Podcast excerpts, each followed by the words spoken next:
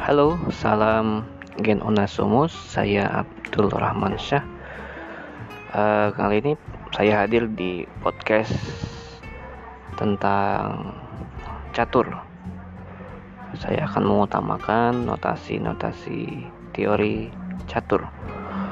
Tujuannya adalah untuk uh, mensosialisasikan olahraga catur, kemudian mudah-mudahan bermanfaat untuk meningkatkan skill bermain catur khususnya para teman-teman tunanetra di Indonesia.